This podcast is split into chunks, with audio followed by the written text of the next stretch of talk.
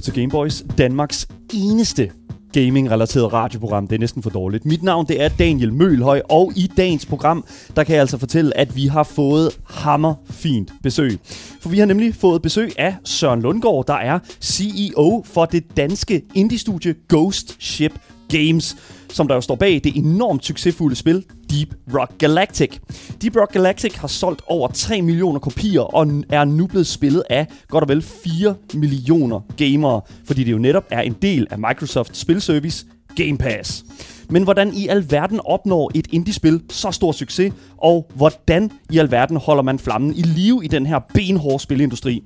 Det lover jeg dig, som lytter, ser eller på anden måde øh, tilskuer til det her program her, simpelthen svaret på i dagens fulde time af Gameboys.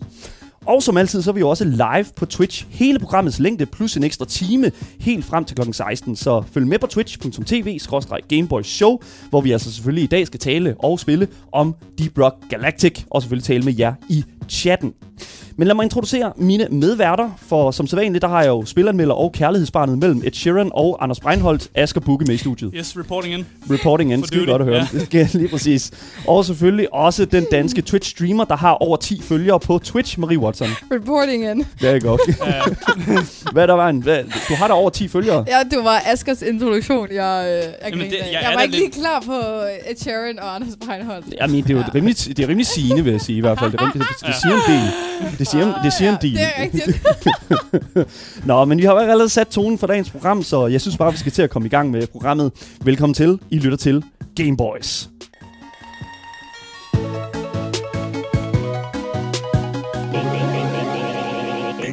Vi har et langt program foran os, kun fyldt med interessant, fantastisk indhold, og det er altså udelukkende på grund af dagens gæst.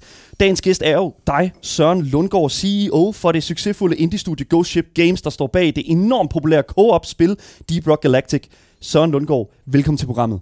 Tak skal du have, Daniel. Tusind tak for at være her, fordi i dag er det jo nærmest, det er jo en stor dag i dag, mm. Fordi at vi er nødt Vi har til... glædet os. Vi har, ja. Ja. altså det, det, jo- Ja. du, Det kan jeg mærke. Søren, du er, et, du er et rum med fanboys. Ja. Det er du jo Ja. ja. lige nu. Og, altså, og, fordi at Deep Rock Galactic, vi har jo spillet det op til flere gange her på programmet. Altså simpelthen fordi, at det simpelthen bare er det perfekte co-op-spil, hvis det du var, spørger mig. Det var vores mål. Det, det, sådan, ja, det, faktisk, det var det, vi prøvede vi har allerede nået, nået top, top goal. Men, men jeg synes, før vi overhovedet sådan kommer til at snakke så meget om spillet, så er vi også nødt til at tale lidt omkring den organisme, der står bag spillet. Yes. Og den organisme, som du jo en eller, et eller andet sted står i fronten for. Uh, vi skal jo snakke om Ghost Ship Games, og jeg kunne tænke, lad os bare starte lidt- lidt- det sted, sådan ligesom at, hvordan i alverden startede Ghost Ship Games? Jamen, Det startede for fem et halvt år siden. Uh, der var et andet firma her i uh, København, der hed Press Play. De var ejet af Microsoft. Nu kommer vi til at snakke om Game Pass senere, kan jeg høre. ja, lige Så præcis. der, det er jo, det er jo øh, øh, sj- sjov binding, der kommer der. Men de, øh, de er under Microsoft, der var øh, Press Play, som er et dansk spilfirma på omkring 30, 35, 40 mennesker, øh, sat til at lave øh, sådan lidt åben udvikling, lave nogle nye sjove spil og inddrage communityet i at lave de her spil her. Mm. Men det viste sig at være ret svært, når man havde en kæmpe mega corporation som Microsoft indover, der skulle godkende alt. Uh, der kom stadig en masse gode idéer, men uh, der kom ikke rigtig noget på, uh, på bundlinjen derinde, og uh, Microsoft de besluttede sig for at lukke det firma. Mm. Det gør de jo sådan indimellem. Det- så det- de andre det skifter underbukser, så køber de nogle firmaer og lukker nogle firmaer. Og, øh, og det, det, det resulterede sig i, at der pludselig stod en øh, 30-40 meget dygtige udviklere på gaden, øh, som stadig havde nogle penge fra løn fra Microsoft, fordi mm. de Mm. er søde nok og siger, det kan I bare, I kan bare lave, hvad I vil. Der er lidt severance der, sådan Ja. lige sådan lidt, uh, lidt frafald, og så... og så øh, de, vi, vi er seks, der, der startede Ghost Ship. De fem andre, de kom derfra. Hmm. Og de, øh, der var jo nogle idéer derinde, Mm. og øh, nogle proje- projekter og prototyper. Og en af dem, øh, og som, som ikke var en af dem, der egentlig var populære derinde, de, det, det var så et eller andet sted en forløber til Deep Rock Galactic. Mm. Øh, så, hvor der var et, grund, grundlæggende set var ideen bare, lad os, hvad sker der, hvis man tager Minecraft og Left 4 Dead og sætter sammen? Og så, Mm. og så er det nogle dværge, der går efter guld. Hvor, hvor er det en vild måde egentlig at, at se det på? Altså sådan, du ved, Left 4 Dead og Minecraft. Ja. Ja. Jeg tror, det var sådan, vi beskrev det, da vi snakkede om, fordi vi Ja. lavede en anmeldelse i tidernes morgen på Deep Rock Galactic, og der snakker vi nemlig om, at det var en blanding af Minecraft og Left 4 Dead. Ja. Så jeg tror, at du har lige taget vores ord ud af munden faktisk på en eller anden måde, når du beskriver det sådan. Det er, det er nok også, der har taget munden ud fra... Ja. Ja, øh, øh, ja taget ordene for dig, øh, Søren. Nej, det er okay. uh, nej, men så, så de fem, de uh, gik i gang, og uh, og sådan, okay, lad os bare uh, prøve og, og se, hvad, det- hvad der skal til for at, at lave et, uh, et spil. Øh, men det blev ret hurtigt klart for dem også, at øhm, øh, der skulle jo også skaffes nogle penge. Der skulle også bygges et firma. Der var rigtig mange ting, der gik ind i det her, som Ja. ikke var at lave spillet. Ikke? Mm. Og det er jo, det er jo der, hvor en, en CEO, øh, kommer ind og skal, skal tage sig af de ting. Det var ikke, fordi jeg på nogen måde havde prøvet det før, men jeg kendte så øh, game directoren Mikkel Martin Petersen, som doblede som CEO i starten, sammen med at han var game director. Mm. Og øh, det- viste sig sådan lidt tilfældigt, at de havde fået kontor inde i samme kontorfællesskab, hvor jeg sad i et andet firma. Jeg sad bare på anden sal. Okay. Og så inviterer de mig ned i det her øh, lille øh, lokale, ikke meget større end det her, øh, og vi taler hen til den der Hen til, der, hen til Ja. formueren her. hvor de sad fem mennesker derinde, og jeg kommer ind, og jeg kan jo ligesom mærke, der er jo bare den her fede startup feel. Altså Mm. det her, åh, Ja. vi har det her sjove projekt, og nu skal vi bare lave et, et, et spil og lave et firma og sådan noget, ikke? Og jeg tænkte sådan, okay, det, det, jeg var godt lidt besynderlig. Ikke? Mm, Også fordi jeg kunne se, det var godt nok en meget, meget crude prototyp, de havde fået op, men den, jeg kunne godt se potentialet, det her Mm. med noget proceduralt genereret indhold, og du kunne grave, men samtidig var det et reelt skydespil, og ja, der var bare noget, der var et eller andet i det der, hvor jeg tænkte, det, det, det, det kan sgu blive stort. Visionen Det, var klar. det, det, det, er den var klar jeg nok til, at jeg ligesom kunne købe ind i den. Og så gik jeg op på min pind igen, og så en time senere, så ringer Mikkel og siger, sådan, kom lige, kom lige ned igen. Lige ned igen, ja. Ja. ja. Lige. Ja. og så tilbød de mig så at, at være med som øh, sjette mand øh, på lige fod med alle de andre, og ja, det var så bare den første måned, jeg ikke ligesom var der. Men siden da, der har vi været øh, os seks øh, founders sammen, og vi har været vi har ligesom været helt lige om alt. Ikke? Altså selvom jeg har en øh, CEO-direktørrolle, øh, så, så deles vi rigtig meget om, om ansvaret derinde. Så det er mere sådan udad til, kan man sige. Ikke? Mm. Og, og vi har så øh, kørt det her øh, parløb, det ved jeg ikke, man kalder det, når man er seks, men altså, hvor vi ligesom har kørt det her sammen, og vi sidder der alle sammen stadig i dag i samme roller, grundlæggende set. Og Du, I, I sidder der alle sammen øh, i dag, altså man kan sige sammen her. Mm. Hvor mange ansatte er I i Go Ship Games lige nu? Jamen, nu, nu, øh, nu er vi 30. I er 30 nu. Ja. Ja, og det er jo alligevel også en, en, en, en vis størrelse. det er det, og det var faktisk, det var lidt, øh, vi startede med at sige, at vi skrev selvfølgelig nogle ting ned, eller snakkede om nogle ting, hvad, Ja. hvad vil vi med det her firma, Mm. øh, og hvad vil vi med spillet og så videre, men med firmaet, der sagde vi, vi skal, vi skal aldrig være over 20. Okay, det var, var, øh, hvorfor er det så vigtigt? Ja, men det var, det var sådan, det var selvfølgelig lidt arbitrært tal, altså vi pillede det bare ud af luften, men, Mm. Men det var stadig baseret lidt på noget erfaring fra andre firmaer, hvor vi havde set, hvor vi selv havde siddet, ikke været ejerne eller dem, der havde startet, men vi havde siddet Mm. i det, og så havde vi set, hvordan, når det pludselig sådan vokser, og hvis det vokser for hurtigt og bliver for stort, så på et eller andet tidspunkt, så mister man noget af magien, eller Mm. det bliver i hvert fald til noget andet, end det man startede med. Og, og, og det var vi meget, øh, Mm. det var meget nervøse for at gøre, det havde vi Mm. ikke lyst til at gøre, og vi havde også en tro på, at vi sagtens ved at gøre tingene smart, Mm. kunne, forholde, kunne blive øh, små, og så længe vi er små, så længe man ikke er en stor koloss, så kan man manøvrere hurtigt og agilt. Øh, og det har vi udnyttet. Jeg, synes- jeg bliver ja. nødt til at bryde ind her og spørge. Er magien der så stadig? Det, det er den 100 procent. Okay. Is the magic there? Ja, ja, Ja, fordi det, det, det, det, der så skete, det var selvfølgelig, så kom vi sådan- så rimelig hurtigt op på de 20, og så sad vi der sådan, hvad skal, nu, vi, vi har brug for flere, fordi det her Stadig. spil, det har succes, og hvad Stadig skal vi mangel, gøre? ikke? Ja, ja, ja. ja. Men så har vi bare gjort det, at vi har taget det mere sådan en, en, en ansættelse af gangen. Så i stedet for, ja. At, der ligesom, at, at jeg som direktør har sagt, vi skal være 40, og så Mm. mm. gå i gang med at ansætte, som du ser andre steder, så har vi mere bare sagt, okay, okay, nu har vi virkelig brug for en designer mere, og nu har vi virkelig brug for en community manager mere, Mm. eller hvor, hvor det nu trykkede henne, ikke? Og så Ja. har vi gået ud og fundet den helt rigtige, og så, og så kø- kørt videre. Jeg, jeg tror, at for folk derude, som jo selvfølgelig øh, er en del af den her kultur, altså spilkulturen, men ikke lige har øh, kan man sige, kendskab fuldstændig til Deep Rock Galactic, kan du ikke lige prøve sådan at, og, øh, lige sætte et par ord på, hvad sådan Deep Rock Galactic sådan i helt bund og grund går ud på? Jamen, vores meget korte pitch, det er jo, det er jo fire dværge, der graver efter guld i rummet. Ja. Ikke? Mm. Så, så, og så, så kommer vi jo lidt ind på her med det her uh, Minecraft uh, møder Left 4 Dead. Ikke? Så det er et skydespil, det er en first-person shooter, Ja. og, og det er også det, vi har brugt mest tid på, og det tager utrolig meget tid og arbejde og energi at polere sådan en first-person shooter op på niveau, hvor vi kan konkurrere med andre. Ikke? Mm. Mm. Så der er jo meget, der er gået ind i det. Men den unikke del her, det er jo den her Minecraft-del, som er det proceduralt genereret indhold. Mm. Mm. Man bliver sendt ned i nogle huler, og hver hule er unik. Og vi har overvejet, om vi skulle sælge dem som NFT'er, men, men, det- men det kommer vi nok ikke til at gøre. Det kommer ikke til at gøre, eller hvad? Det, Nej, vi skal ikke, vi skal ikke, vi skal ikke ud i den slags øh, snavs endnu. er det fordi, at Steam de ikke øh, vil være en del Ja, af den det, slags? det, det, det, er, det ved de så heller ikke, men jeg tror egentlig mest, det er, fordi de ikke har fundet en måde at tjene penge på det. Der går. Ah, Ja. Okay. Endnu. Ah, Endnu, eller hvad? Jamen, Ja. altså, kunne du slet ikke overtales til at inkludere altså cryptocurrency Nej, og vi, NFT'er? da vi startede, der sagde vi, at vi vil, vi vil køre en, uh, gennems, en gennemskuelig forretningsmodel. Det vil Ja. sige, Mm. vi kører et premium-spil. Ikke? Du går ud, det koster 30 dollar, 210 kroner eller sådan noget lignende. Og så ved du ligesom, hvad du får, Ja. og så ejer du spillet, Mm. og så leverer vi bare gratis indhold, mod at du spiller spillet, og et eller andet sted en usagt kontrakt, spiller spillet og, og fortæller om det til dine venner. Mm. Mm. Og så har vi så de her øh, øh, cosmetic, altså udklædnings øh, DLC'er, som man kan købe ovenpå. Mm. Og dem, dem har vi så fået ret god succes med at sælge også. Ikke? Vi sælger Mm. også soundtracket ved siden af. Men vi, vi gør det ligesom meget klart, hvad er det, du, du køber, og, og, og hvad er det, øh, hvad er det, vi leverer, kan man Mm. sige. Ikke? Og der, der, der er sådan noget som NFT'er, der er jo ingen af os, der aner, hvad Nej. det er. Og det er der jo faktisk meget få mennesker her øh, på, ja, på, ja. i, i, i verden, ved der vi jo ikke, hvad ved. konsekvensen af det er. Ja. Og lige nu ligner det jo bare sådan et, et, et Mm. pyramidespil måske. Men ikke? noget, jeg øh, godt ved lidt om, det er Early Access. Ja. Og det var jo det, som øh, Deep Rock Galactic øh, startede ud med at være. Og jeg vil egentlig også bare gerne spørge sådan, altså hvorfor valgte de den forretningsmodel, man kan sige sådan, hvorfor valgte de at komme ud i Early Access? Øh, jamen, det lå meget naturligt, fordi vi, vi tog egentlig den der idé om at køre åben udvikling, som Mm. de havde prøvet inde hos Press Play og Microsoft. Ja. Den kunne vi rigtig godt lide. Det der med at prøve at... Øh, vi havde, mange af os, da vi startede her, så havde, var vi måske havde været 15 år i, i branchen. Jeg startede i 2000, så det er 21 år siden. Mm. Og i alle de år, der har jeg kun siddet og arbejdet på projekter, som var tophemmelige. Jeg må Ja. Mm. ikke ikke fortælle skid af det. Ikke engang til min søn. Eller? Nej, nej, Mm. Og, og, og det, det er jo ikke særlig sjovt. nej. Nej. Og det, øh, det tænker jeg, hvad nu hvis vi vender den rundt? Øh, hvad nu hvis vi bare øh, fortæller om det her hele tiden, og så Mm. se, hvad der sker? Ikke? Mm. Og det, der skete i starten, hvor vi sad fik nogen produceret noget trailer, som selvfølgelig ikke var lige så pænt som det, de har kørende der, men det var, det var stadig, vi synes selv, det var egentlig var Mm. rimelig imponerende i forhold til, hvor lang tid vi havde arbejdet på det. Mm. Og så sendte vi det ud, og så regnede vi jo, et eller andet håbede vi på, sådan, oh, nu vil hele verden opdage, hvor sejt det her er. Mm. Og vi prøvede at brage det ud, men der skete jo ikke noget. Nej. Fordi det Ja. gør der jo ikke, når ikke du har noget navn med dig af en størrelsesorden. vel? Og jeg tror også, at folk har været meget påpasselige, Ja. fordi der er rigtig mange af de her skrækhistorier Yes. om early access, Ja. og især på Steam er der rigtig mange spil, som ligesom er blevet sådan forladt Helt sikkert, af helt sikkert. Og det var der også, da vi så gik ind i det. Vi, vi launchede Early Access der i 2018.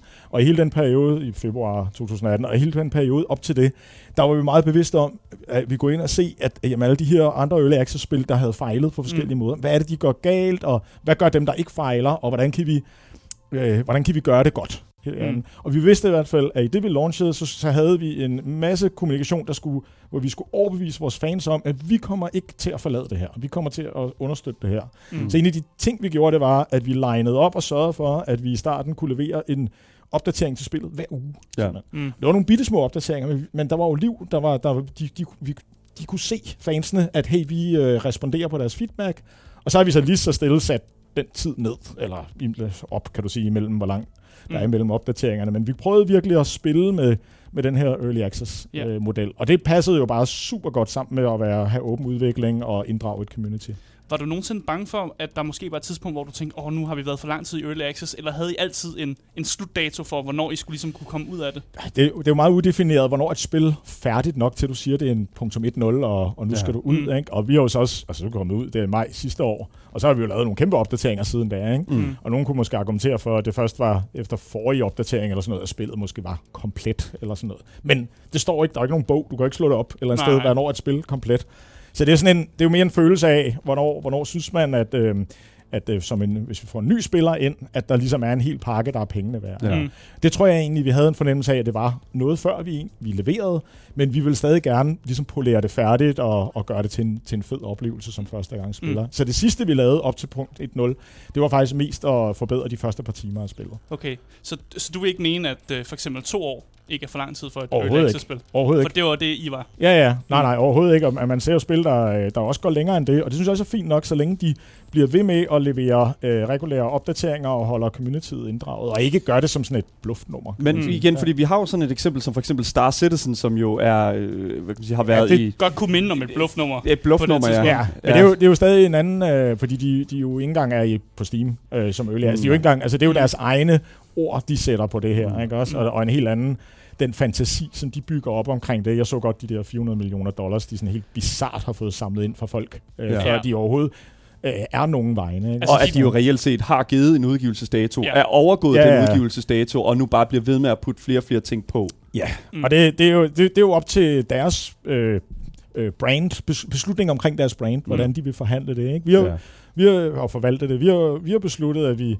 Øh, ja, vi ændrer jo også deadlines, ikke? Mm. Mm. Men vi prøver virkelig at være, øh, være kommunikerende omkring det, og sørge for, at der ligesom er argumenter, og, og hvor- hvorfor er det, vi gør tingene. Ikke? Vi kan jo, Mm. fortæller jo ikke alt. Altså, Mm. vi har nogle forretningshemmeligheder og sådan noget. Ikke? Det, Ja. det skal der jo være. Det er klart, det er- Men, øh, men, men, men så meget, som vi nu kan, prøver vi at, at få, få med ud. Ikke? Og nu siger du forretningshemmeligheder, men jeg vil egentlig også godt komme ind på noget, som I har lovet i fremtiden. Ja. Og det er, at der kommer til at være et Deep Rock Galactic brætspil. Ja. Og som en kæmpestor Yes. brætspilnørd, som jeg er, så, så bliver jeg også nødt til at høre, hvorfor er det, I går sådan Kickstarter-vejen den vej? Om det er jo en, øh, øh, en, en nærmest gængs med forretningsmetode med, mm. med brætspil. Og det er jo helt anderledes. Vi overvejede det også på, for, helt til starten med Deep Rock, så var det op på en af markedsførings- og indtjening, og hvordan får vi penge, øh, skal vi gå en Kickstarter. Mm. Og der er masser af, af, af virkelig øh, katastrofale eksempler på, på Kickstarter med computerspil. Ja. Men det er fordi tidspunktet, man så gør det på, der er spillet jo på ingen måde færdigt. Mm. Så det er jo stadig en drøm, du sælger et eller andet sted. Og den drøm, den kan jo så i udviklingen ændre sig til noget andet, end det, der bliver leveret, eller også slet ikke blive leveret i rigtig Mm. mange tilfælde. Mm. For brætspil er det, er det meget anderledes. Der har du en, en, øh, en reel mulighed for at lave brætspillet ret færdigt. Altså mm. Mm. vi taler sådan 90% færdigt eller sådan noget. I det, og det tidspunkt, du laver Kickstarteren, der har det jo for at være helt ærlig mere natur af en pre-order, Mm. end det har af en, en Kickstarter. Ikke? Ja. Øh, men det virker stadig, og alle, så alle parter er glade. Ikke? Ja. Jamen, så, det, så, det fungerer også for mig. Ja. Ja. Alle de øh, brætspil, som jeg har kickstartet, dem har jeg fået. ja, Så, ja. ja. så det har fungeret for mig. Det har Ja. ofte, ofte har det været, det har taget lang tid. Og lige nu, der sætter I jo, at øh, I begynder Kickstarteren i 2022. Ja. Ja. Der begynder den. Ja. Ja. Men hvornår er brætspillet så færdigt? ja, og der tror jeg, at du skal spørge nogle af de her transportskibe fra Kina. Ja.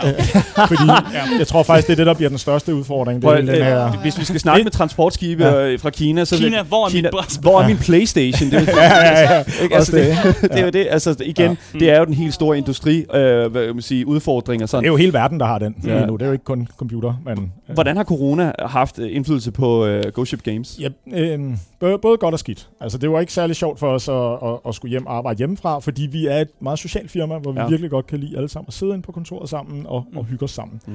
Så det der med, at vi skulle sidde derhjemme og arbejde, ja, det fungerer. Altså, vi kan, vi kan producere ting, men, men det er ikke sjovt Nej. på samme måde. Mm. Men det lykkedes, og vi udgav jo sådan set version 1.0 af Deep Rock Galactic, på, mens der var lockdown, ikke? Ja. Og det var sådan lidt sådan nederen, vi havde planlagt, øh, sådan, øh, om, om vi kunne lave reklamer inde på Nørreport og sådan noget, men det gav jo ikke mening. Der var nul mennesker. Det havde måske været meget billigt på det tidspunkt, men, men, øh, men det gav ikke rigtig så meget mening.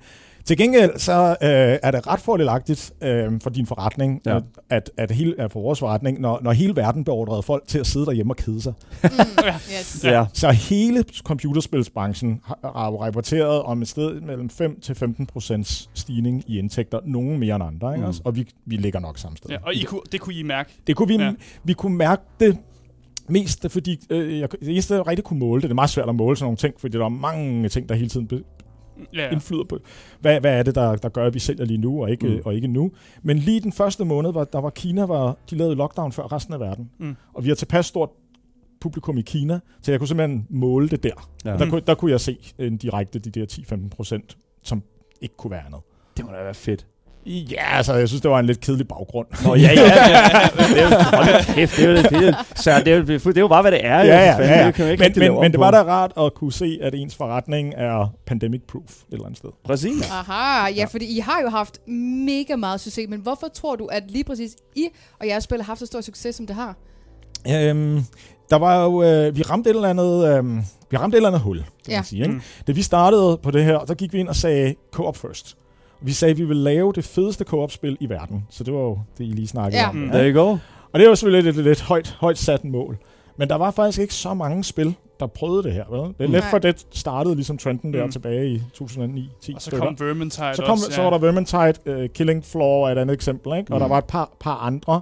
Uh, faktisk var Fortnite inde i vores, uh, uh, sådan Mm. mm. dem vi holdt øje med, fordi Mm. mm. de havde sådan set, før det blev til uh, Ja. det vi kender i dag, Mm. så havde de faktisk et spil, der mere lignede uh, vores på nogle punkter, bare på overfladen. Og det, uh, men vi kiggede alligevel på det her, og så sagde vi, okay, altså, alle de her spil, de klarer sig faktisk ret godt. Mm. Hvis nu vi kan producere noget, der bare er i nærheden af det her, jamen altså, det, det kan da vel ikke gå galt, tænkte Ja. ja. vi.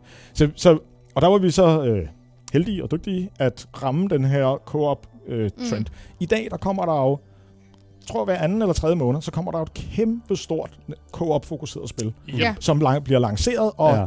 Ja. 90% af dem, de fejler fuldstændig. Ja. Og det er jo fordi, de, mange af dem gør det modsatte også. De, de, de gør den gammeldags måde med at få det hele braget ud på én gang, Mm. og så crasher deres server og communityet, det, det lynhurtigt opbyggede community, der Ja. opstår, Dårlige reviews. ja, og, Ja. øh, Ja. øh, har nogle forventninger, der ikke matcher, og den første patch, de laver til spillet, er elendige, og så Mm. bum, bum, bum, bum, Ja. så falder det sammen igen. Ikke? Ja. Så vi er i den mærkelige situation, at vi, vi, øh, vi er ikke på nogen måde i trussel for at blive udkonkurreret på den her, mm. fordi det er til synligheden ret svært at komme Det- ind og lave den gode succes i co-op. Det synes jeg er lidt uh, bold uh, jeg statement. S- Søren, Søren Lundgaard. Ja, Øh, altså det her med, at I ikke er, altså, er I virkelig så sikre i jeres produkt her, at, Ja. at du tænker, at der kommer ikke nogen competitors, der kommer jo, ikke nogen... selvfølgelig kan der jo selvfølgelig komme, altså lige så stille kan vi ryge ud af markedet, hvis ikke vi bliver ved med at levere indhold. Med. Mm. Men vi har også den edge, der hedder, der er ikke nogen af de andre, der laver det her procedurally generated terrain. Nej. Og hvad ved ikke så godt, som vi gør det. Mm. Der er ikke nogen andre, der har seje rumdværge. Det, det er korrekt. Ja, Jamen, det. Ja. Så vi har, true, også, dude. vi har også fået lavet et forholdsvis unikt univers, Mm. som, øh, hvor, hvor, hvor de fleste af de andre, de kæmper inde i det her univers, der hedder os mod nogle zombier. Ja. Mm. Ja. Og det, øh, det er jo dejligt øh, nemt at komme ind i, og, og det sælger også rigtig godt, men det er også bare virkelig, virkelig hård konkurrence. Så vi bor lidt for os selv derude i rummet Mm. på Space Rick 17, og har det I like that. rimelig, rimelig nice. Jeg elsker det. Det lyder ret fedt, men hvad for en future er du mest fan af, som I har kreeret i det her spil? Altså en feature, ja. Ja, Ja, lige præcis. Øhm, til, oh, det var, det var et Uh. Du godt skal også til at spørgsmål. grave, Søren. Ja. Ja.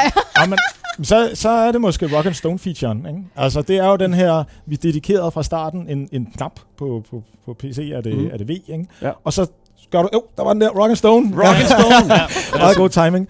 Uh, og det var, fordi vi ville gerne lave et spil, der skulle være nemt at, at spille. øh, Det var det her co-op uh, first ja. motiv.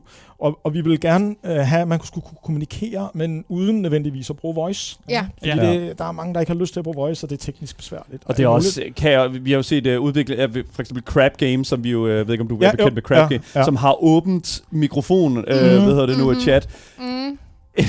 Ja. Kigger, det på, er- kigger på Marie Watson lige nu. Ja. Det er meget. Altså, det kan det være er- et problem. Det kan Ja. være et problem. Ja. Ja. Så vi opfandt den her ting, som, som skulle være sådan en kampråb for de Mm. her dværge? Mm. Og, og det blev så øh, det her rock and stone øh, udtryk. Og Ja. det, det kan man så bruge på alle mulige måder inde i spillet. Det kan jo både være en, en, sådan en hilsen, men det kan også være en anerkendelse af noget, der skete, Mm. og, Ja. og man kan bruge det til sådan nogle gange, så, øh, Men skal, kan kan man blevet for hinanden. eller Ja, sådan. ja, og man kan stemme om noget, og hvem rock and stoner, og Ah. altså, hvad, hvad man nu, det, det bliver brugt på alle mulige Mm. måder ind i spillet. Og det har så ligesom øh, transcenderet uden for spillet også, ikke? og er nu blevet sådan et kampråb for vores øh, community. Mm. Og, og, og inde i vores community, der, der er det selvfølgelig nemt nok, kan man sige, men det var det, øh, fordi de, de kender hinandens snak, og, Ja. og så kan de skrive det. Mm. Men det, der er rigtig fedt at se nu, det er, når vi så går ud i andre øh, forums for spil, på Reddit eller på Steam, og så pludselig så er der jo nogle af de her øh, fans, der finder ud af, at de begge to er fans af samme spil, øh, og Mm. de er også fans af, af Mm. Deep Rock, og så skriver de Rock and Stone, Mm. og så kommer der bare sådan en lang tråd med Rock, Rock rock and and Stone, Stone, ja. Rock and Stone, Stone, yeah. to the bone, og, og så kommer det bare derned af. Mm. Og det er bare så sjovt at se, ikke? og vi ser det sprede sig mere og mere. Det er, det er helt, helt fantastisk. Ja, jeg så også vores altså. chat også bare blive spammet Yes. med Rock and Stone. Ja, ja, Okay, det- Ja. giver det ja. mening Ja. for mig også, hvorfor der blev spammet det i hvert fald. Ja. Der. Ja.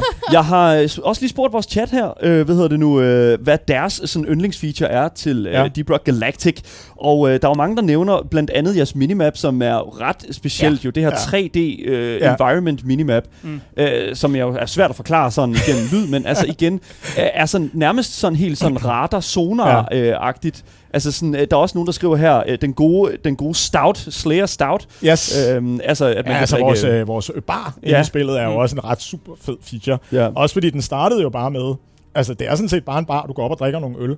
Og, og den første udgave af den, der gjorde øllen ikke noget. Den Nej. var stadig mega populær. Ikke? Ja. Og så, begyndte, så fik øllen noget gameplay-effekt, men det er ikke fordi, det er sådan vildt meget. Nej. Det meste af det handler bare om det her sociale, og det er igen den her co-op-ting, Mm. og komme tilbage, og, og så klarede vi den her mission, eller vi klarede den ikke, men vi skal have en øl, og, Ja. og, og, så, og så hygger man lidt sammen, ikke? Det og så kan- tager man en ny mission. Det kan ikke blive mere end dansk, tror jeg, hvis man, Nej. når man siger det Ej, som, men der- som øl. Jeg det, elsker det. det. Det er rigtigt, der er Ja. nok noget, øh, noget dansk Deep Rock Galactic er dansk design. Ja, ja. Jeg det elsker er det det. bare. Ja. Men jeg kunne Men- godt tænke mig, ja. ja, undskyld, jeg afbryder i hvert fald, at høre lidt om noget, noget modgang, fordi nu har jeg jo haft mega meget succes, men der Ja. må også have været noget i hele den her develop-fase, der har været mega svært, eller problematisk, eller noget af den stil. Ja, jeg tænkte lidt over det på vej herind, fordi Ja. jeg tænkte nok, I ville spørge. Og det, der Ja. er lidt irriterende, det er, fordi gode historier kræver, der, der, du skal have noget, åh, så godt godt, og så går det elendigt, Ja. og så går det rigtig godt Det igen. kan Ja. kun være godt, Søren. Du kan ikke stå her og sige, at det kun, kan, hun kun har været fedt. Det, det, det, øh, det er nok det, jeg siger. der, er, der er meget lidt, der er gået os sådan decideret imod. Selvfølgelig har haft vi nogle ting, hvor det har været svært. Ikke? Altså, Ja. Den her fase, vi havde, hvor vi, det er jo ikke så lang tid siden, jeg ved ikke, om vi kommer ind på det og spørger, men vi solgte jo os selv til nogle svenskere Hmm. øh, Mm. for, for et halvt år siden, ikke? og snart. Og der var vi jo meget sådan, okay, når vi så kommer ud af det, hvordan skal vi så fortælle om det? Ikke? Ja. Og hvordan vil det blive set på?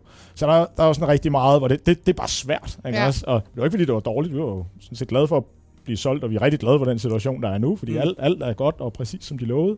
Men, men det var svært i hvert Ja. fald. Ja. Ikke? Og, og vi havde også, hele, nu har vi hele den her Season 1, vi er kommet ud med, og, og vi har jo også en Battle Pass-lignende feature Mm. mm. inde i det her. Performance pass, Ja. eller ja. Og det var sådan en, wow, tør vi det? Ikke? Ja. Fordi Ja. går det imod vores de her øh, principper om, hvordan vi tjener penge på spillet, som jeg fortalte om tidligere. Ikke?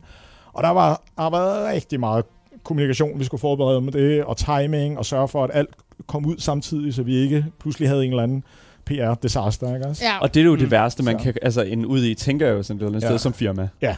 Men det har der simpelthen ikke været noget af. Ik- Mm. Ikke som er blevet lagt mærke til ud af til, kan man sige. Okay. godt. Vi har, haft, vi har haft nogle disasters med, med kortvarige med vores Ja. øh, øh, community, hvor vi kom til at introducere. Øh, for eksempel havde vi en, hvor man bruger E til at, at samle ting op Ja. I spillet lige nu. Mm. Og så var det sådan øh, i starten, at man bare, når man, alle, mange af tingene, når man samlede dem op, man løb bare henover dem, mens man samlede dem op. Og det, mm. det var sådan en super fed, flydende fornemmelse ja. at gøre det. Men vores game director, Mikkel, han var ret ked af, det var egentlig var sådan, vi startede, fordi han, når man gør det, så, så, mangler, så mister man noget samhørighed med verden. Mm. Sådan fungerer det ikke ude i virkeligheden. Der for at samle noget op, så skal du lige koncentrere dig lidt om at samle det op. Gør Du skal det ligesom fysisk, ja, ja. gøre det fysisk. Altså, lave noget Ja. interaktion på det, Ja. så får du også en, re- en Så han, relation til det. øh, han byggede en, øh, en, en, en animation ind, og så kom der, og fordi den så skulle gennemføres, og sådan noget, så kom der lige sådan en, øh, lige sat ned i hastighed, og så op igen, ikke? Okay. Og, og der er næsten helt ned og pause i nogle tilfælde, og, Ja. ja. og det, og, ej, vores community, de var ikke glade, vel? Fordi det her dejlige flow, der var i spillet, det var Ja. en eller anden ah, dum developer, der havde, havde ødelagt det, ikke? Og hvad skulle vi så gøre, ikke? Ja. Og så går vi jo så ind og kigger på det, okay, det er sgu ikke så godt. Uh, nu er de sure. uh, men så kan vi jo nå at reagere hurtigt, og det er igen ja. fordelen med Steam, hvor man, der kan man, man kan lynhurtigt få nye versioner ud af spillet, og prøve at tweake til, og så fandt vi en løsning, og prøvede en ny, og så, og så efter et par dage, så havde vi en rigtig løsning, så var alle glade, og nu, nu er det bare en historie, ikke også? ja, det er klart. Nu sidder vi og griner af det, men det gjorde I ikke dengang. Nej, der, der var lige et par dage der, hvor det var sådan lidt sådan. Ja. Det er vel også en del af lærefasen, altså med det her spil, og udvikle og have så stor succes. Mm. Ja, ja, selvfølgelig. Og, og det her med, og vi kan heller ikke tilfredsstille alle. Vores publikum er så, der er så mange nu, og mange, mm. mange forskellige. Mm. Øh, det, er jo ikke, det er jo ikke ensartet, vel? Nej. Selvom vi godt kan sige noget om den stereotypiske øh, Deep Rock-spiller, så, så er det jo stadig ret varieret, ikke? Og Jo. vi kan ikke tilfredsstille dem alle sammen. Der er Nej. nogle meget hardcore spillere, der har spillet over 3.000 timer i vores spil, ikke? Ja. Og så er der jo alle de nye, der lige kommer ind og skal forstå spillet, ikke? Og Ja. så er der alt det. Og dem, er der bare spiller casual med deres venner en gang imellem. Ja. og sådan der noget, lige ja. kommer ind og ud, og det er jo netop det. Og det er jo faktisk en ting, som I øh, på Ghost Ship Games har gjort en lille smule nemmere for folk at droppe ind og Mm. ud Ja. i, blandt et, i, i forbindelse med et samarbejde. Men jeg vil lige først og fremmest sige til jer, der lytter med, og til jer, der ser med, hvis I først er droppet ind nu, så står vi altså og taler med Søren Lundgaard, som er direktør for Ghost Ship Games, der står bag simpelthen det, et af de bedste indie-spil, vi nogensinde har spillet her på programmet, Deep Rock Galactic. Mm. Det, det er selvfølgelig så no problem. Men hvis det er, at du først dropper ind nu og misser det første, så kan du altså også lytte til podcasten, hvis du bare søger alle steder, du finder din podcast på navnet. Gameboys. Lige præcis. Og så misser du aldrig en anmeldelse, et interview eller noget som helst, som Asger kunne finde på at sige herinde på programmet. Ja. Ja, lige præcis. Ofte voldsomme ting. ja, lige præcis. Mit navn det er Daniel Mølhøj, og selvfølgelig Asger Bukke, medvært, Yep. og selvfølgelig Marie Watson, Yes. og selvfølgelig også dagens gæst, Søren Lundgaard. Øh, lad os øh, gå en lille smule videre ind i, øh, hvad hedder det nu, øh, jeres samarbejde med en vis et, et gigant, vil jeg jo næsten kalde det. Øh, fordi jeres spil, Deep Rock Galactic, ligger jo på øh, Microsofts øh, abonnement tjeneste, nemlig Game Pass. Yes. Hvordan er Microsoft som samarbejdspartner? Jamen, øh, det er jo en mega, mega korp, som jeg sagde tidligere. Mm. Mm. Det vil sige på godt og ondt. Altså, de har jo enormt mange muskler, men de har også enormt mange mennesker, og, og, og, og interesse, deres interesse, den skifter. Ikke? Mm. Mm. Hvor vi har en interesse, Deep Rock Galactic skal bare blive så godt som muligt. Det har vi haft i fem år. Ikke? Ja. Mm. Så vi er meget sådan fokuseret på det, og der er ikke, vi har ikke nogen grund til at skulle gøre andet. Microsoft, det er sådan, hvert, hvert år, så er der jo ligesom noget nyt, der er spændende. Ikke? Ja. Og det, øh, det, det præger det samarbejde selvfølgelig. Og vi er jo også altså, vi er meget, meget små i forhold til nogen, der er meget store. Og det, Ja, ja. altså, det er sjovere at samarbejde med nogen, der er helt lige. Ja. For lige, og jeg skal nok komme tilbage til det her, men vi startede med at vælge en samarbejdspartner fra Sverige, der hedder Coffee Stain, som vi jo stadig har som Mm. publisher. Coffee Stain Studio, ja. Ja. Og det, var, det valg var meget ud fra, at de var meget ligesom os. Altså, det var også bare nogle indie-udviklere, og samme nogenlunde samme størrelse, Mm. og de, de havde noget, noget succes, men de var jo ikke... Altså, de havde lavet Goat Simulator, og det er jo selvfølgelig uh, i Det sig selv jo ret, alle sammen ret vanvittigt. Ja. til. Men det var nærmest, nærmest en fejl eller tilfældighed, at de lavede det. Det var, det, det, det var ikke det, de i virkeligheden ville. De ville jo gerne lave nogle, nogle rigtige spil. Nu håber jeg ikke, at jeg gør nogle Goat Simulator-fans meget sure. Men tænk på, don't worry about it. De ved godt, de tager fejl. Og det har de, det har de jo så også gjort. De har lavet Satisfactory, som også er kæmpe succes Mhm. mm-hmm. på, på, på Steam. Ikke? Meget. Men det, det er et samarbejde, der fungerer skide godt, fordi vi er, vi er fuldstændig på level, og vi Ja. har samme øh, mål og så videre. Ikke? Ja. Mm. Men samarbejde mellem, mellem et stort firma som Microsoft og så og små firmaer som os, et lille firma som os, Mm. det er bare svært. Så, så, så som udgangspunkt er det næsten umuligt. Øh, men vi havde jo en fra starten en interesse om, at vi gerne vil, vi vil gerne på konsoller. Mm. Mm. Og da vi var ude, vi var på PAX Øst i 2017 og viste Deep Rock frem med en ret vanvittig fed stand og sådan noget, hvor vi havde fået bygget alt muligt lækkert. Mm. Og der var bare ingen journalister, der gad snakke med os. Vi var et Steam Early Access-spil på, i 2017, det var virkelig Mm. utjekket. Ja. Og der øh, kunne vi godt se, de gik og stemlede rundt om alle de der konsolspil. Det Ja. der. Og så tænkte vi, vent lidt. Måske vi bare skulle snakke med Microsoft lidt tidligere. Vi Mm. kendte, kendte dem jo. Og de havde vist interesse, ikke? Selv på trods af, at de lige havde lukket hele halvdelen af firmaet, eller hvad man siger, Ja. det meste af foundergruppen. Mm. Så var de stadig interesseret i, i os og, og, og spillet. Og så øh, så vi sådan en mulighed for, okay, måske kan vi få noget blåstempling ved at være et konsolspil. Ja. Og det Mm. blev vi jo så allerede fra starten, hvor vi var med i det, der hedder Game Preview, og blev vist på E3 Xbox-showet. Og det var faktisk den visning, hvor vi blev vist lige ved siden af PUBG, der, der bragede vi ud, i en, st- hvor vi pludselig kunne begynde at måle interesse. En placering, man Ja. lige ved siden af PUBG. Ja. I, altså, oh my god. Men jeg bliver, nødt til, jeg bliver simpelthen nødt til at spørge, sådan, altså, hvor i Deep Rock Galactic er det så, vi kan se Microsoft? Hvor det, de, de kommer hen med deres klør? Jamen, ingen steder. Ingen som sådan. steder? Nej, nej. Og det- altså, det de har jo kan ikke, mig. Nej, ja, ja, ja. ja. Ja, ja Jamen, de okay. har jo ikke... De, de, og det, det, det er de gode til. Det er de fleste af de her store. Mm. De ved godt, at man skal lade de kreative små grupper være i fred. Mm. Altså, du kan ikke gå ind og micromanage ovenfra og sige, vi skal have det og det ind, eller det skal være sådan og sådan. Mm. Selvfølgelig, når du skal ud på en konsol, øh, om det er Xbox eller Playstation eller Nintendo Switch, så har de en, en meget lang liste af krav, som du skal følge op. Men det er mest sådan noget med, når du connecter med en anden spiller, skal der stå den her besked på skærmen, for mm. det er en Mm. god brugeroplevelse. Det er sådan noget nede på det niveau. Mm. Men det handler ikke noget om, at den her skyde, den her pistol skal være blå. Ja, eller... så de går ikke ind og siger sådan, vi skal have, I, du, I skal indføre det her, fordi... Vi skal indføre de her DLC-pakker Ja. og sådan noget, og, og, og tjene nogle ekstra penge på det. Og, Og det, okay. det, det, det, det lader de være op til os, kan man sige. Mm. Oh my god. Men, men der, dengang var der ikke noget, der hed Game Pass. Nej. Så vi var allerede på, øh, på Xbox, og vi var også i Microsoft Store før Mm. mm. Game Pass. Det var ikke noget rart sted at være før Game Pass, vil sige, fordi det vidste Microsoft også godt selv. Ja. Det, det fungerede sgu ikke rigtigt. nej. Øh, men så opfandt de jo Game Pass, og det som udgangspunkt kunne vi jo egentlig godt lide tanken, Mm. mm. og det kan vi sådan set stadig, øh, specielt som spiller. Øh, jeg har Game Pass derhjemme, og det er da mega fedt. Altså jeg har jo bare åndssvagt mange spil, som jeg bare kan tilgå hele tiden. Der er jo, hvad, hvad, what's not to like? ikke? Ja, Og man kan også se øh, responsen på Game Pass, øh, hvis du går ud, den er jo bare overdrevet positiv. Ikke? Mm. Mm.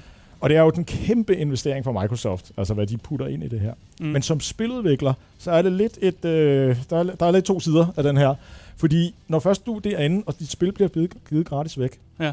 så bliver du presset over i en lyst til at, eller hvad skal man sige, sådan forretningsmæssigt, så begynder du at tænke, hvordan kan jeg tjene flere penge på de her spillere? Ja. Mm. Og du begynder lige så stille at blive drevet ind i, mit spil er jo faktisk gratis, så jeg er jo nærmest et free-to-play-spil lige pludselig. Mm. Mm. Så lige pludselig er vores premium-spil, tilbage til den der forretningsmodel om øh, transparens, ja. jo nærmest at betragte som et free-to-play-spil på mm. Mm. den her service. Og hvordan skal vi så gøre? Nu havde vi jo så allerede de her øh, cosmetic DLC'er. Og det er derfor, I øh, introducerer flere af dem, eller hvordan? ja, det var hele tiden planen. Også fordi, Okay. at grundlæggende set, så kunne vi jo se vores fans også på Steam.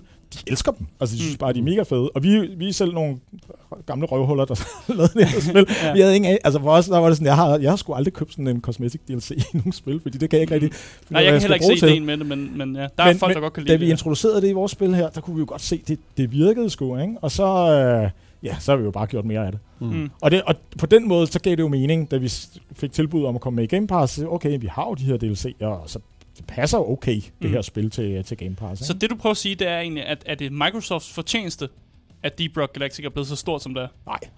Nej. Det er det ikke. Okay. Det er Men Steams. det, du kan jo ikke benægte, at det har gjort en hel masse ja. Ja. for, for publiceringen og marketing Klart, for jer, at klart. de ligger på Game Pass. Men vi kunne jo godt... Øh, nej, det var mere... Altså, den, hvis de har haft noget indflydelse, så var det Ja. ja. det der, at vi blev vist på E3 i 2017. Ja. Okay. Men det er Steam, der har drevet øh, Deep Rock Galactics succes. okay, så det er, Steams, det er 100% Steams fortjeneste. Det, det, det er, øh, der er jo ikke noget, der er 100%. Men hvis jeg skal sige, Jeg hvad skal, der også er... bare være, jeg skal også bare prikke til dig, så. Ja, ja. Hvis jeg skal sige, hvad der, hvad der er den største fortjeneste, det, var, det, der har gjort mest for det, ja. jamen der, der, der er det der på Steam, at, Mm. at det sker, kan Mm. man sige. Øh, Ja. og, og, og det er bare, fordi vores spil er bare bedre egnet til Steam-publikum. Altså, det er jo, et, det er jo nok et keyboard- og mus-spil mere, end det, Mm. det er et controllerspil ja. til, at, til at starte med, ikke? Mm. Øh, så vi har intet imod at være på Game Pass, det er fedt, øh, og vi vil bare gerne ud til flere brugere. Mm. Det er bare rigtig svært at køre open development på en platform, hvor du ikke kan kontakte brugerne på samme måde, som vi kan på Steam. Mm.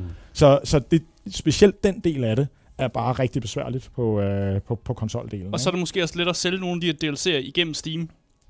Øh, ja, det er det også. Det, det, det er sådan set det samme, fordi meget af det Mm. bliver solgt inden, hvor vi har ting, nogle ting inde i spillet, der gør det. Så det er sådan lidt, der er ikke den store forskel. Altså, hvor meget tjener I på de her DLC'er? Jamen, øh, du kan jo se, hvad de koster. Øh, de koster, De koster omkring otte 8 dollar. euro. Ja. Nå. Og vi har, og vi har, øh, vi har annonceret et øh, tal sammen med de der 3 millioner. Mm. Der har vi annonceret et tal, der hedder 1,4 millioner DLC'er. Oh, wow. Så kan du, Ja. ja. så kan du gange. Ja. Ja. De penge får vi jo ikke alle sammen. Nej. Fordi at der er jo lige 30 procent øh, Ja. ja. typisk, der ryger hurtigt til den, der ejer platformen. Ikke? Og så er der en publishing deal, ja. Ja. og så bla bla bla.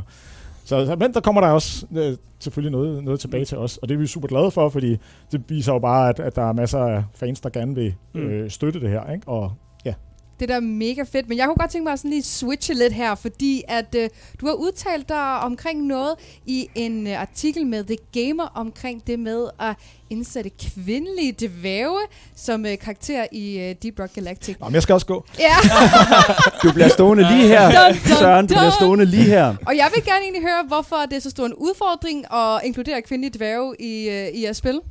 Øh, og det, det starter helt tilbage, da vi startede. Der, ja. øh, der skulle vi jo hurtigt i gang. Mm. Ikke? Og vi, øh, vi skulle lave nogle øh, karakterer. Og vi tog, som jeg sagde, så tog vi den der beslutning, hvor- hvordan kan vi lave tingene så simpelt som muligt, så nemt Ja. som muligt, undgå at blive 50 mennesker i det her Ja. firma. Ja. Så, så vi øh, på den de- del af det, der sagde vi, vi behøver kun én model. Og vi skal godt nok have fire klasser, men så klæder vi dem bare lidt på, og så kalder vi dem noget forskelligt. Ikke? Ja. Mm. Og vi har kun en voice actor, øh, som, øh, som er en, en tidligere kollega fra, vi, vi havde her i København, som bare kommer og hjælper os med at lave voice, og så pitcher vi det lidt op og ned. Så. Ja, ud, yes. ud med det, og så sælger vi det, og så er folk glade. Ja. Og så har vi jo så, øh, og det, det gav mening selvfølgelig, at vi startede med, at det var en, var en mand, fordi hvis man ser på sådan tropen for dværge og minearbejdere, det ville have været lidt mærkeligt, helt ærligt, at starte med, at de var kvinder alle fire. Det havde i hvert fald været et statement, vil jeg sige, Havde det været et statement? hvis vi havde gjort det. Hvad Ja, det det for- havde det da helt sikkert Hvad er det for et statement? Jamen, det havde været et statement, hvor, hvor, hvor vi ville sige noget om, om, om køn, og, og, og hvad der er naturligt, og, eller naturligt, hvad der er gængs. Ikke? Mm. Men det her var jo ikke et, vi, havde jo ikke, vi har ikke haft nogen politiske intentioner med Deep Rock Galactic, eller Nej. nogen budskaber eller noget. Vi ville bare gerne lave noget, der var sjovt og fulgte de, øh, den, det, man kalder den naturlige historie. Ja. Ikke? Og der, der kan du så vælge at gå imod den for at sige noget. Ikke? Og vi valgte bare at følge med den. Og det har vi gjort med rigtig mange af de ting, vi har lavet i det her spil. Vi følger dem, kalder tropes, altså mm. hvad, hvad, der, Mm. hvad der nu følger med af lore omkring dværge, eller en mega corporation som Deep Rock Galactic Mm. mm. osv. Og der spiller vi jo bare på nogle ting, alle folk kender. Ikke? Og, og, og at minearbejdere og dværge vil være mænd, det vil være det mest naturlige. Men når vi, ja, altså, når vi alligevel k- k- snakker om et, et, et eventyrligt univers, et fantasy-univers, Mm. kan man ikke bryde med troper? Kan man ikke bryde med, med de her Selvfølgelig. normer? Og det har vi jo så også kigget på senere, og så har vi sagt, nå okay, nå, men vi, fordi der var ikke noget tidspunkt, hvor der stod, der skal aldrig være kvindelige dværge. Mm. Det, var jo ikke, det var jo ikke en mission for os, kan man sige. Det var bare den måde, vi startede på. Mm. Da vi så nu begynder at, at, at, at kigge på det og sige, okay, hvis vi nu skal lave øh, en, en, en, en, han, en karakter, der, der er kvindelig, hvad skal der så til? Ikke? Mm. Og der står vi så over for en produktionsudfordring, som er, at øh, vi- al, alt det her øh, udklædning, vi har lavet, der vil være en rigtig meget af det, der vil skulle tilpasses en anden øh, kropsbygning. Der Ja. skulle laves en anden kropsbygning, ellers, ja. Ja. ellers skulle vi bare sige, at det var der i dag. Ikke? Og Ja, det er der ja. jo også nogle af vores fans, der, der påstår, måske påstår vi det selv, hvis vi bliver hårdt presset.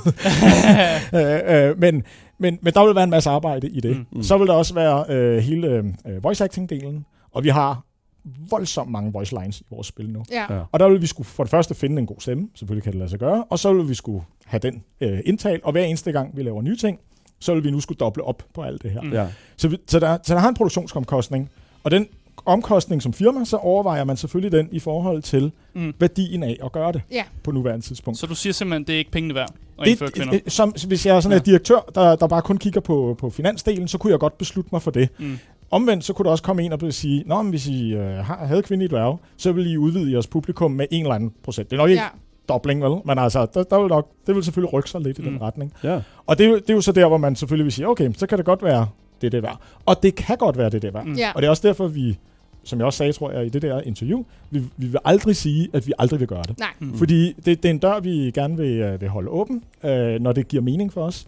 Øh, men det kommer også an på, det, altså, hvor meget vi føler, at det er nødvendigt. Ja. Øh, og så eller anden dag skal vi jo lave et nyt spil, og der kan godt være, at der nok er nogle kvinder med fra starten, for lige at gøre det lidt nemmere for os selv. men, men, men jeg, jeg, jeg føler jo sådan lidt sådan, at, fordi vi har jo nemlig her i sidste uge snakket vi om Forza Horizon 5's øh, inklusion af non-binære pronominer, når man laver sin egen karakter i spillet øh, det her racerspil her. Og øh, på, på, der er jo mange folk her sådan på sociale medier, som jo kalder den her type for inklusion for pinkwashing, altså, ja. altså fænomenet. Ja. Øh, det, det lyder, jeg kan, har jeg ikke hørt det udtryk for, men det lyder rigtigt. Altså fænomenet, som handler om, at, at store udviklere bruger LGBTQ plus kulturen som et marketing-gimmick. Ja. Ikke? Og altså, er det fordi, at, man, at I måske er en lille smule berøringsangste over for det her med sådan inklusion, bare for inklusions skyld? Ja, det vil vi aldrig gøre bare for inklusionens skyld. Vi vil gøre det for spillets skyld. Mm. Ikke? Altså, det skulle ja. fordi, at vi synes, det manglede det skulle i spillet. tilføje noget. Ja, ja, ja, det skulle tilføje noget til spillet, som vi synes, det manglede, og som bare mm. vil gøre det til et bedre spil. Mm. Det er da den eneste rigtige årsag her. Ja. I det andet, det andet, så kan man så sige, når ja, øh, det, set i den store samfundssituation, vi er i nu, mm. så er der nogle gode grunde til at tænke det lidt mere ind fra starten, end, mm. end, en, en, altså, der, der er alligevel blevet sket noget forskel fra 2016 til 2021, kan mm. jeg Det er det. Altså, vi har jo flere og flere moderne strømninger, der, der drøber ud i, ja. i, i de her medier her. Ja. Så man kan jo stille sig selv et spørgsmål, i hvert fald som, som direktør og CEO af, øh, af Ghost Ship Games, øh, creator af Deep Rock Galactic, altså vil I tabe noget som helst på at investere lidt flere penge i, og måske at få lidt mere, altså et lidt dybere inklusionsniveau i Deep Rock Galactic? Ja, vi risikerer jo, og det er jo den ærgerlige side af det her, ikke? vi risikerer selvfølgelig at tabe nogle af vores øh, eksisterende spillere. Og det, det, altså, det er jo bare et faktum. Hvis du går ud og så ser, hvad der, hvad der rører sig ud, så er der selvfølgelig nogen, der ikke vil synes, det er i orden. De vil synes, at nu er, det, nu er spillet forkert. Mm. Og det kan vi jo ikke. Så kan vi jo øh, så kan vi sige farvel. Øh, jeg gider vi alligevel ikke have noget med at gøre. Mm. Men, men der vil være et, et tab der, og det vil skabe en masse snak. Det, det, det kan man jo regne ud. Ikke? Mm. Der vil selvfølgelig komme en masse diskussion. Hvis vi gør det ordentligt, så er det sikkert bare et spørgsmål om at komme forbi det bump, og så på den anden side, og så er alt sikkert måske men vil, vil Ghost Ship Games ikke stille sig selv i fronten for en, hvad kan man sige, en naturlig udvikling i hvad kan man sige, vores kultur, vores samfundskultur og den slags, som firma, hvis der er sådan, I går ud og siger, det her det er en del, der er en del af vores om, altså omverden, det skal også være en del af, hvad kan man sige, den, øh, det eventyrsunivers, mm. som vi har her. Men nej, altså vi synes, det, at det her det er underholdning, det er noget, vi har, det, det er et underholdningsprodukt, og det at, at, at påvirke det mm. med kulturen i 2021, i i den virkelige verden, at nej, det, det er ikke vores mission. Okay. Det er ikke vores mission med vores spil at have nogen politiske budskaber eller noget. Det, det er underholdning, det vi mm. laver her. Vi vil gerne snakke om det her udenom, og, mm. og have nogle meninger om det, øh, som firma, kan man sige. Eller, ja. ja. Men, men, men Deep Rock Galactic er, er, er, er, er, er et underholdningsprodukt, som vi er stolte af, og, og, og, og, og som vi gerne bare vil holde skal man sige, for sig selv. Ja. ja. Vi har set meget ude i industrien i, øh, i dag, flere historier omkring, øh, at, at de her sådan, hvad kan man sige, store studier her har problemer med også at finde inklusion til deres stab, altså til at finde programmører, ja. til at finde inklusive talenter og den slags. Du siger, det er svært, men er, er det ikke at, hvad kan man sige, at hvad kan man sige, stikke en føler ud og sige, at vi mangler mere jo, jo, inklusion jo, jo, i vores men det er, firma? det er også svært, når du er, altså nu, vi, vi er jo et firma, som jeg startede med at sige, vi har seks mænd, Ja, ja. Øh, det er netop det. Og, og, det, det og, og så starter vi jo også med at bruge vores, vores netværk fra gamle dage og ja. få ind, mm. og det er jo så også typisk mænd, vi, vi får ind. Mm. Så det har for Ghost Ship været en uh, lidt op ad bakke uh, at komme dertil. Jeg tror, vi er på kontoret lige nu seks kvinder ud 30 eller sådan noget, så mm. ser mm. noget bedre ud, men altså, øh, vi skulle op på nummer 14 eller 15, før vi fik den første. Ikke? Ja. Mm. Så, okay. så øh, det kommer over lidt an på, hvor du, hvor du starter hen. Det kommer så også an på, øh, hvad, du, hvad du vil som firma, kan man mm. sige. Ikke? Og der satte vi os ikke det mål fra starten. Det kunne vi godt have gjort. Ja. Og, der, og hvis jeg skulle være ærlig og gå tilbage, så kunne det godt være, at jeg vil sige, hey, vi skal sørge for lige at prøve at gøre det her. Øh, også at have inklusion med på, øh, på firmasiden der. Det gjorde vi ikke, øh, men nu, nu, nu arbejder vi der noget mere for det. Hmm. Jeg vil egentlig gå lidt mere videre øh, væk fra det område, så du også øh, kan tage en en indhånding. Vi skal snakke om jeres succes. Ja, for nu skal vi snakke om nogle gode ting. vi er tilbage Fordi, til succesen. Øh, jeg kiggede lidt på Metacritic, øh, og så kiggede jeg på Deep Rock Galactic, og der kunne jeg se, at der var en metascore på 85, og en ja. user-score på 81. Det er jo, det, eller på øh, 8,1. Og det er jo godt. Det er, det er oppe i toppen. Det er sindssygt godt. Øh, men jeg var sgu alligevel nødt til at kigge på nogle af de her negative reviews. Ja. Der var ikke så mange af dem. Nej. øh, der var sådan 64 gode, og så var der sådan, du ved, 4-3 dårlige øh, øh, negative reviews. Men der var alligevel en bruger, som fortæller, at øh, de gav op på spillet efter tre timers kedelig singleplayer-oplevelse, og der er også en anden, der fortæller, at det er ærgerligt, at singleplayer-delen mangler. Og singleplayer er jo noget, som mange godt kan lide, og jeg kan også godt lide singleplayer-spil. Mm. Jeg spiller flest singleplayer-spil. Hvorfor er det som sådan ikke en, en del af Deep Rock Galactic? Og det er det jo også. Og vi har, øh, siger vores metrics, øh, næsten 20 procent, der spiller spillet fortrinsvis i solo. Mm. Så det er jo ikke øh, ingenting overhovedet ud af alle de her hårder af mennesker, der spiller det. Øh, men vi lavede spillet med et udgangspunkt, der hed Co-op First. Mm, det står også på det, Ja, ja. Og, og, og det betyder, at alle vores designbeslutninger nødvendigvis bliver nødt til at starte der. Og det er også derfor, at vi, tror jeg, er nået frem til at have lavet et af verdens bedste co-op-spil. Mm. og, øh, og, og der er jo bare en konsekvens der, og det Mm. er jo, at øh, det er ikke helt så nemt at få singleplayer-delen med. Ja. Øh, vi har lavet nogle løsninger, vi har jo introduceret den der Bosco øh, øh, Ja. ja. robot, der hjælper dig, og vi prøver selvfølgelig hele tiden lige at sørge for, at hov, det skal også lige fungere i singleplayer. Mm. Men, men det er bare ikke vores første prioritet. Og Ja. sådan vil det jo altid være med det her spil. Det kan godt Mm. være, at det næste spil, vi laver, er omvendt, øh, men, men i hvert fald for, øh, for Deep Rock, der, der er det den vej rundt. Og, og et eller andet sted, så kan jeg... Jeg har ikke, det, det er ikke fordi, at jeg tænker, at, at, at når det er et negativt re- review, Mm. øh, det skal vi gøre noget ved. Nogle gange så kommer man med, med en forkert præmis, øh, Mm. og, og, og går ind på en forkert præmis, og det, det har den bruger jo nok gjort. Ja, men måske er jeg også gået ind for en forkert øh, præmis, fordi jeg synes faktisk også, da jeg lavede anmeldelsen, der tjekkede jeg nemlig også singleplayer-delen ud. Ja. Og der blev jeg faktisk lidt, lidt skuffet, Ja. for jeg følte mig faktisk lidt ufatteligt tom, efter at have spillet det her co-spil med nogle venner, Ja. og så går man over, og så sætter man sig og spiller sig alene, og så, så det er bare ikke det samme. Mm. Så, så jeg vil egentlig også bare høre, hvorfor, hvorfor I ikke bare sådan fjerner det, når jeres firma jo alligevel Ej, det vil- brander det sig vil så være mærkeligt. first. Fordi hvis du fjernede det, så ville du også fjerne nogle muligheder for folk øh, med at hygge sig med, Mm. med spil. Og det, altså, så vil du sige, at der er 20 procent af vores spillere, der ikke måtte Mm. mm. spille spillet. Ja, det var selvfølgelig Øh, heller, jeg vidste jo heller ikke, det var 20 og det vil der også, det vil også være, Ja. det, det, vil, det vil jo være ærgerligt, kan mm. Mm. man sige. Ikke? Der er også mange, der bruger singleplayer-delen til at faktisk at, sådan at træne, eller, eller prøve at udfordre sig selv med, hvor høj sværhedsgrad kan de klare ja. Ja. på Mm. solo og sådan noget. Men det er jo, det er jo dem, der også spiller co-op, kan man sige. Ikke? Mm. Mm. Så der er sådan en øh, overlap der. Men altså, der, er jo- der er jo ikke for os, at der, er, der er ingen grund til at... Det, det vil være meget mærkeligt for os. Altså, det, er, det er ikke en tanke, vi faktisk overhovedet har overvejet at skulle fjerne singleplayer. Mm. Vi føler ikke, at det bliver trukket ned af at være et, øh, et singleplayer-spil. Uh, nu, nu har du den her ting på, uh, på Metacritic. Mm. Uh, på, uh, Det ser, ja, det ser godt ud. ja, ja, ja, ja, Det er jo ikke hvis du skidt jo, det der. Men hvis altså, du det, ser den tilsvarende over på Steam, der har vi jo så Endnu bedre, ja. Ja, den er rigtig god. 96, 97 procent Ja. af 100.000 ratings, ikke? Ja, I ligger vist nummer 40 på en all-time liste over Yes. de Ja, er mest bedste vildt. review-spil på Steam. Så ja. Så, så, Ja. og, og noget af det er jo lidt snyd, fordi uh, uh, Steam, de, Valve, de game, gamer lidt deres eget system indimellem. Ja. Uh, så på den måde, så uh, uh, når man er først er et populært spil, og, og så, så bliver man mere populær. Og, Mm. ja. Uh, så, så på den måde, så når vi går ind og læser negative reviews her, ja, selvfølgelig er der også nogle af dem, der synes, det er lidt kedeligt, Mm. mm. og, og, og at det er øh, kedeligt i singleplayer. ja. Og vi har det bare sådan, det, det er jo ikke det, vi sælger spillet på. Mm. Mm. Vi skriver meget tydeligt, co-op first, det er et co-op-spil, det kan også spilles i singleplayer, hvis du vil. Ja. Mm. Okay, fordi jeg har faktisk lidt et spørgsmål her. Fordi nu har I jo et mega godt spil og mega positiv respons. Men hvordan har I det som et indie-firma at se store firmaer, der... Altså, det går helt galt. Og jeg tror måske, du tænker på det samme spil, som jeg tænker som Cyberpunk, hvor at vi har et, et firma med mega mange ressourcer, og så går det bare fuldstændig crash, altså.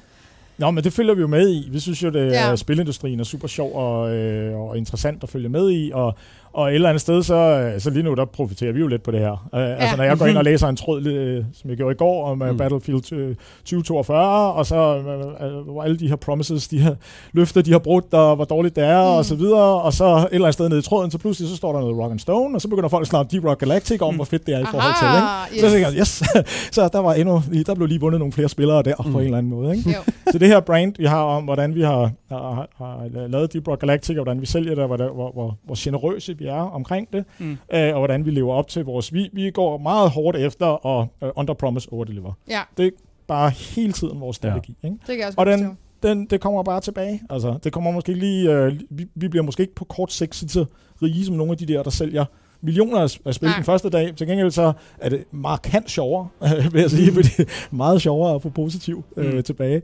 Og på sigt her, der, altså jeg tror på den lange bane, der er, der, der er det her, det er vinderstrategien, ikke? Ja. i forhold til at, i hvert fald også bare have det rart med det, man laver. Absolut. Men nu har vi det en af de helt store spørgsmål, fordi hvad er fremtiden for både Deep Rock Galactic og Ghost Ship Gaming? Gaming, Ghost Ship Games, ja. Jeg mig. Jamen altså, øh, vi har jo lidt annonceret med den her sæson 1, som vi Ja. ja. leverede her for nogle uger, uger siden, at, øh, at vi kommer til at lave flere sæsoner. Mm. Øh, og det vil sige, øh, i hvert fald af hele, hele 2022, det, der, der kommer nogle sæsoner. Om der, om der kommer to eller tre, det ved jeg ikke. Men Ja. altså, det kommer lidt om, hvor lang tid vi tager om at lave. Lad os så sige, der kommer i hvert fald to. Mm. Og der har vi da i hvert fald noget, vi skal lave. Absolut. Øh, ja. og, øh, og hvis det bliver ved med at gå lige så, så godt som sæson 1, som faktisk slog alle vores rekorder, det var bedre end da vi launchede, så det Fedt. var jo mega fedt, øh, så, øh, så, jamen, så kommer vi jo til at blive ved med at lave Ja. sæsoner, indtil det ikke giver mening mere. Det, Ja. det er grundlæggende set vores, det, vi siger, og, og Mm. mm. det, det står vi stadig ved. Ved siden af det, så vil vi jo rigtig gerne lave et nyt spil. Ja. Og, og det, øh, det kommer vi også til at gøre. Vi kommer uh. til at gå i gang med det, øh, stille og roligt, og vi kommer formodentlig til at vælge samme øh, strategi, altså øh, åben udvikling, øh, Steam Early Access, øh, bygget community, øh, øh. og så ved vi jo ikke rigtigt, hvad spillet går ud på endnu. I ved slet ikke, hvad det går ud på. Det ved vi overhovedet ikke. Du siger, du ikke ved det, men jeg har, jeg har en idé om, at du ved lidt. Øh, når du siger, Ja. vi er i gang med et spil, men du har ingen idé om, Nej, hvad nej, det handler om. nej, vi, vi, Mm. vi er i gang med planlægning af, hvordan vi skal gøre. Okay. Og det er fordi, vi, vi har set mange gange i vores erfaring i andre firmaer, hvordan det er svært at lave det her nye spil, samtidig med, at man har en eksisterende succes. Mm.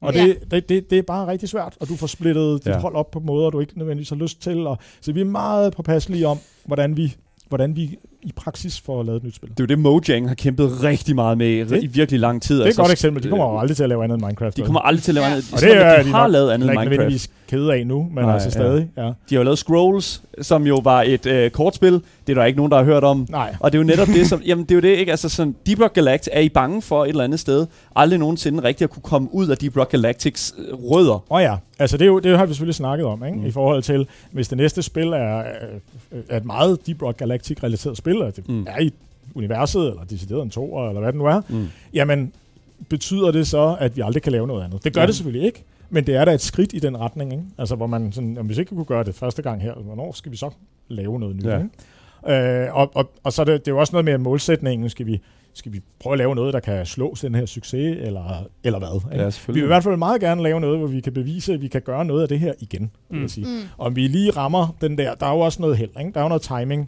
Ja. Altså vi ramte lige den der co-op ting, og det kunne også godt være, at den bare var ved at dø, ikke? og så var der ikke noget i det. Mm. Øh, og det kunne også godt være, at det viste sig, at dværge i rummet øh, bare var rigtig kedeligt, og det var der sgu ikke nogen, der gad spille. Men det, så vi ved ikke med det nye koncept, at der kommer, vi kommer, man kommer til, vi bliver nødt til at være lidt bold og lave noget, som, som ikke nødvendigvis er det hotteste hotte. Øh, man, man må gerne finde det der trend, der går op. Ikke? Ja. Præcis. Søren Lundgaard, CEO for det succesfulde indie-studie Ghost Ship Games, der står bag det enormt populære co-op-spil Deep Rock Galactic. Du har altså været med her os i dag for at fortælle lidt omkring, hvordan man holder flammen i live. i Et indie-spil i den benhårde spilindustri. Mm. Jeg vil gerne sige tusind tak for at komme ind og deltage i et interview, og dele en lille smule af, hvad der foregår bag kulisserne hos Ghost Ship Games. Tak skal du have. Det var en fornøjelse.